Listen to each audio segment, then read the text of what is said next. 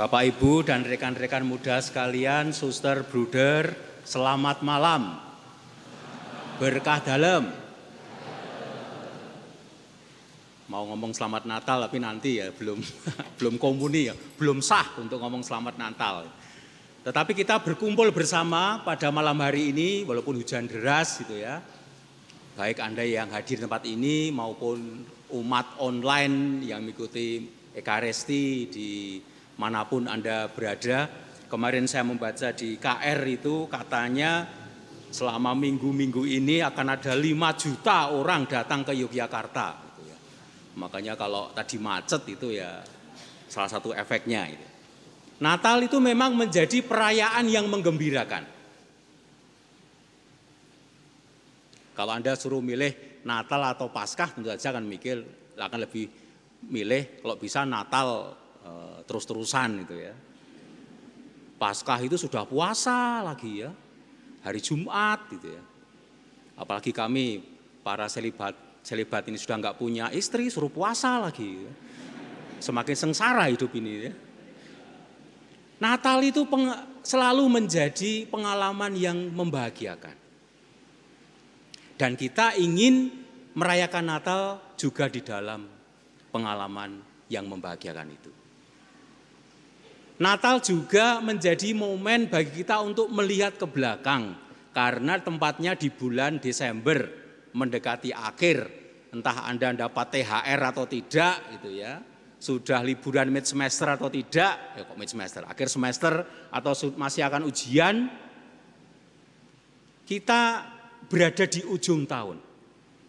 Maka perayaan Natal juga menjadi perayaan untuk melihat kembali sejauh mana kita mensyukuri tahun 2022 yang sebentar lagi akan lewat ini. Dan kita agak lega bahwa di tahun ini kita bisa merayakan Natal juga lebih bebas, tidak seperti tahun-tahun sebelumnya setelah melewati masa pandemi. Bacaan-bacaan yang ditawarkan bagi kita sangat menarik untuk melihat bagaimana kita memaknai Natal memaknai syukur, memaknai kegembiraan di dalam masa-masa yang tampaknya masih penuh pergolakan.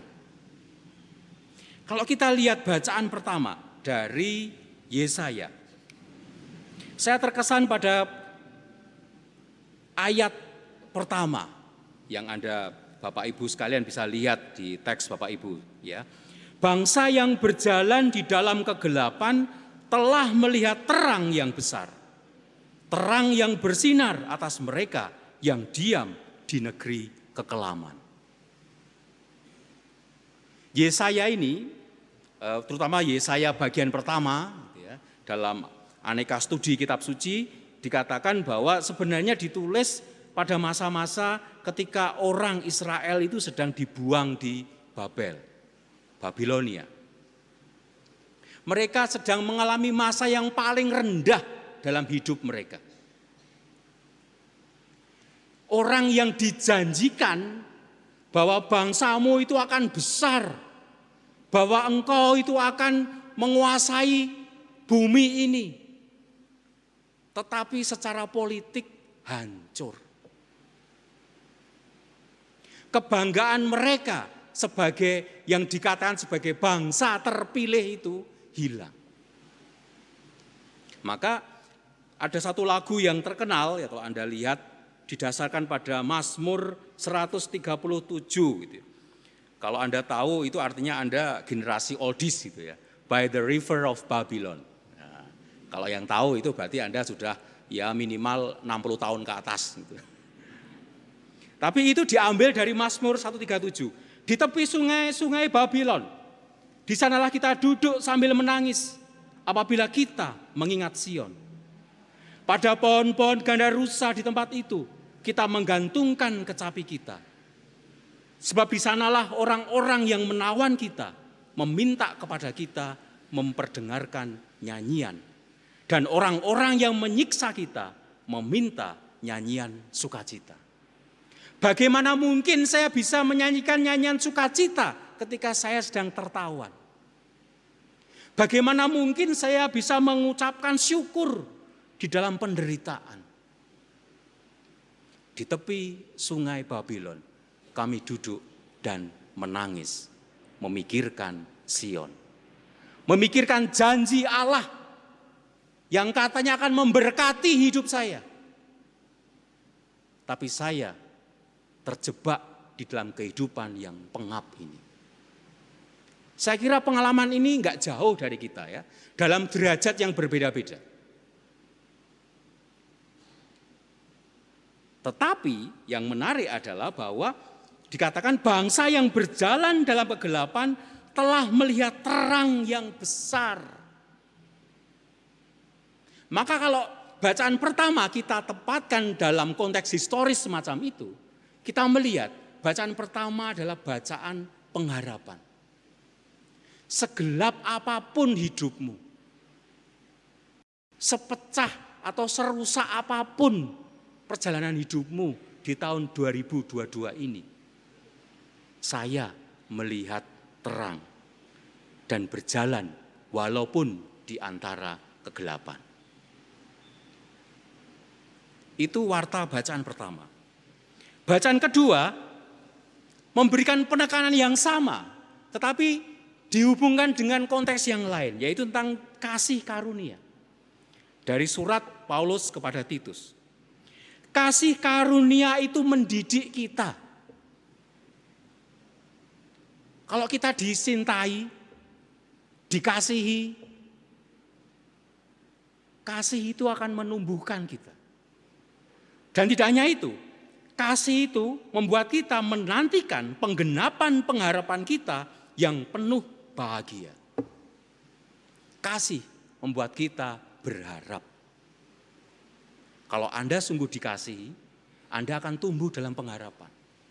Bukan ketidakpercayaan atau keputusasaan. Justru karena kita dicintai, kita berharap.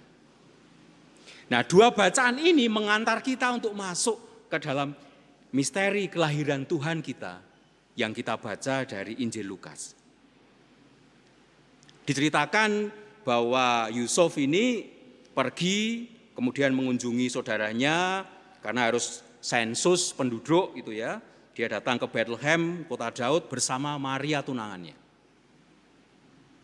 Tampaknya ini keluarga yang fine-fine saja, keluarga yang happy, eh, pasangan ya dalam kitab suci dikatakan bahwa Yusuf itu lebih tua dari Maria, Bahkan ada beberapa tradisi mengatakan Yusuf itu e, meninggal lebih dahulu daripada Maria, tapi tradisi semacam itu tidak pernah bisa diverifikasi. Tetapi bahwa ini keluarga muda yang sedang menantikan kelahiran. Namun yang tampaknya gembira ini menyimpan suatu permasalahan yang amat besar.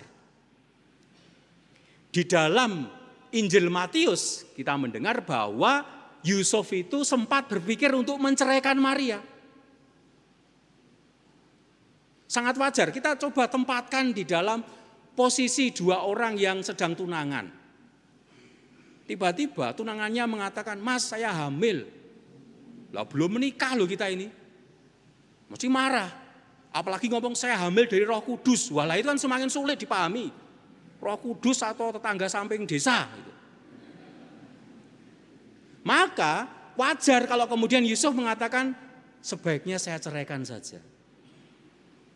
Yusuf ini orang baik. Dengan menceraikan sebenarnya anak yang dikandung Maria itu tetap sebagai anak Yusuf.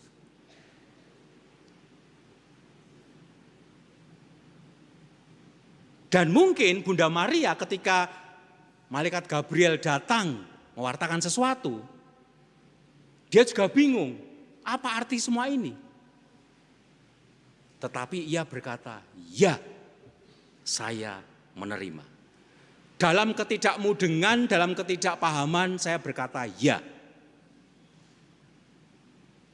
Dan pasangan ini kemudian datang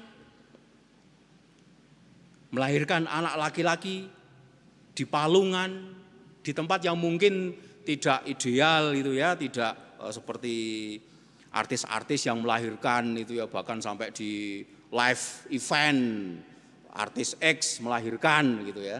Tidak, ini dalam dikelilingi oleh orang-orang yang sangat sederhana. Keluarga muda yang di dalam berbagai macam ketidakpercayaan, di dalam berbagai macam ketidaksempurnaan, tapi tetap berkata, "Ya, saya ingin terlibat di dalam karya penyelamatan ini." Dan yang menarik adalah para malaikat itu ketika warta kegembiraan disampaikan mengatakan jangan takut sebab sesungguhnya aku memberitakan kepadamu kesukaan besar untuk seluruh bangsa. Jangan takut. Be not afraid. Don't be afraid. Jangan takut. Maka kalau kita lihat tiga bacaan ini mengarahkan kita kepada suatu visi yang sama. Hidup ini berat, penuh ketidakpastian, penuh ketidaksempurnaan, tiba-tiba hujan ketika mau ke gereja misalnya. Tetapi saya selalu menemukan alasan untuk percaya. Ini warta yang ingin disampaikan. Namun persis justru ini kesulitannya. Apakah kita siap menerima ketidaksempurnaan? Apakah kita siap menerima hal-hal yang tidak kita inginkan? Karena sudah malam supaya enggak ngantuk ya saya mempunyai kisah kecil ini. Mungkin Bapak Ibu pernah menonton atau mendengar atau membaca kisah ini ya. Kisah tentang toko suami kalau Anda pernah mendengar ya. Jadi katanya Indonesia di tahun 2050 nanti itu tidak ada lagi tetangga yang bertanya kamu sudah nikah belum? Enggak ada. Karena apa? Karena ada toko khusus didirikan oleh presiden nanti itu yang menyediakan suami-suami berkualitas. Ya. Jadi kayak antre BPJS itu ya nanti ya. Namun untuk membeli suami itu ada instruksinya, ada syaratnya, ada aturannya. Nah aturannya nih pertama, Anda hanya dapat mengunjungi toko ini sekali. Wah tampaknya yang punya toko itu Katolik, jadi tidak bisa e, berkali-kali, sekali saja. Toko ini terdiri dari enam lantai, di mana setiap lantainya menunjukkan sekelompok kualitas suami. Semakin tinggi lantainya, semakin tinggi kualitas lelakinya. Semakin mahal juga harganya. Yang ketiga, Anda dapat memilih lelaki di lantai mana pun. Kalau terima lantai satu, ya wes gini kira apa lah, ya wes nggak apa-apa gitu ya. Tetapi dengan syarat kalau Anda sudah naik, tidak boleh turun lagi kecuali keluar. Nah, ya adalah Suminten Suminten yakin bahwa saatnya saya membangun keluarga. Dia datang masuk ke toko suami itu.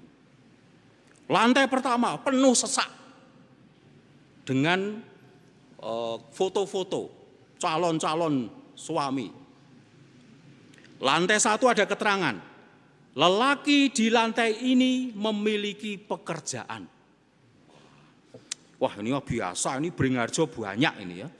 Kalau hanya laki-laki semacam ini banyak maka ini kayak awal-awal saja ini banyak ini ya. Saya mau naik lagi lah, ya, saya duitnya agak banyak. Kemudian dia naik ke lantai dua. Lebih sepi dari lantai satu. Ada keterangannya, lelaki di lantai ini memiliki pekerjaan dan taat kepada Tuhan. Wah, sudah lebih baik loh, pekerjaan taat kepada Tuhan. Nah, Suminten mendeta datang lihat eh, harganya dibuka itu ya. Beli satu dapat dua itu. Wah, ini dia mikir wah satu aja mumet apalagi dua itu ya. Harga diskon. Saya mau naik lagi. Lantai tiga sudah memakai AC ini, sudah barangnya tidak KW ini, sudah eh, top Lelaki di lantai ini memiliki pekerjaan taat kepada Tuhan dan suka membantu pekerjaan rumah. Wah, ini yang sudah mulai keren itu ya. Ya, harganya agak mahal dikit ini ya. Dia merasa, wah, saya mau naik lagi. Dia nanti, ini sudah tinggal, sudah tiga, di pertengahan jalan itu. Tapi saya masih duitnya cukup kok, lantai empat. Sekarang eh, tempatnya lebih bagus, ber-AC, pencahayaan, segala macam, foto-foto dengan figur yang baik gitu ya. Dan baunya sudah harum di lantai itu dan ada keterangan.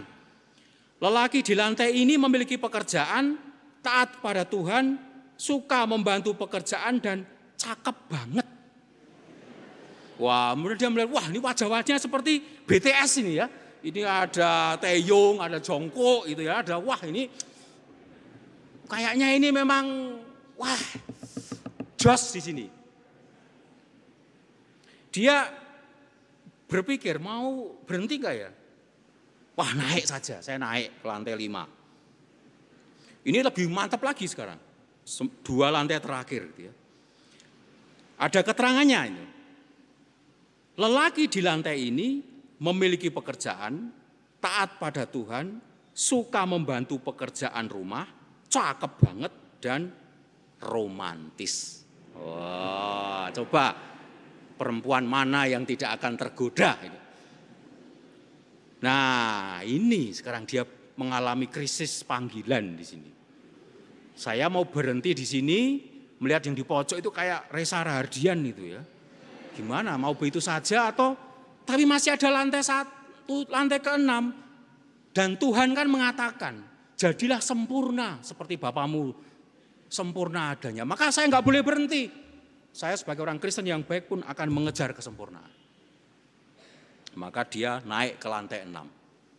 Lantai enam ketika masuk eh, ada resepsionisnya. Eh, gimana Ibu Suminten? Oh saya mau ke lantai ini membeli. Ya. Sudah yakin eh, plafon kredit card Anda cukup ini? Oh cukup, cukup, cukup. Nah, silakan duduk saya sediakan opsinya. Tapi sini cuma satu opsi, ya. Oh ya nggak apa-apa, ini yang terakhir, ini yang terakhir. Kemudian resepsionis itu membawa kotak dengan wah kemilau mewah sekali dan diberikan kepada Bu Suminten. Suminten silakan buka untuk melihat deskripsinya. Suminten membuka kotak yang kemilau itu dan ada tulisan kecil yang berbunyi, maaf Anda belum beruntung. Silahkan, terima kasih telah berbelanja di toko suami. Hati-hati ketika keluar toko dan semoga hidup Anda ke depan membahagiakan. Toko suami itu sebenarnya adalah ejekan bagi kita semua. Kita selalu membayangkan hidup yang sempurna. Hidup yang tanpa ada cacat. Hidup yang tanpa kekurangan. Hidup yang tanpa konflik Kalaupun tidak tidak sempurna pun, kita itu selalu, nah ini yang menarik bahwa lagu yang ngetrend di tahun 2022 itu lagu apa? Ojo dibanding-banding. Oke. Karena kita suka membanding-bandingkan, wah kok tetangga saya itu lebih gini, tangga saya yang lain lebih itu, teman saya yang kuliah lebih cerdas. Dan persis karena kita tidak menerima itu semua, kita terna, tidak pernah bisa bersyukur.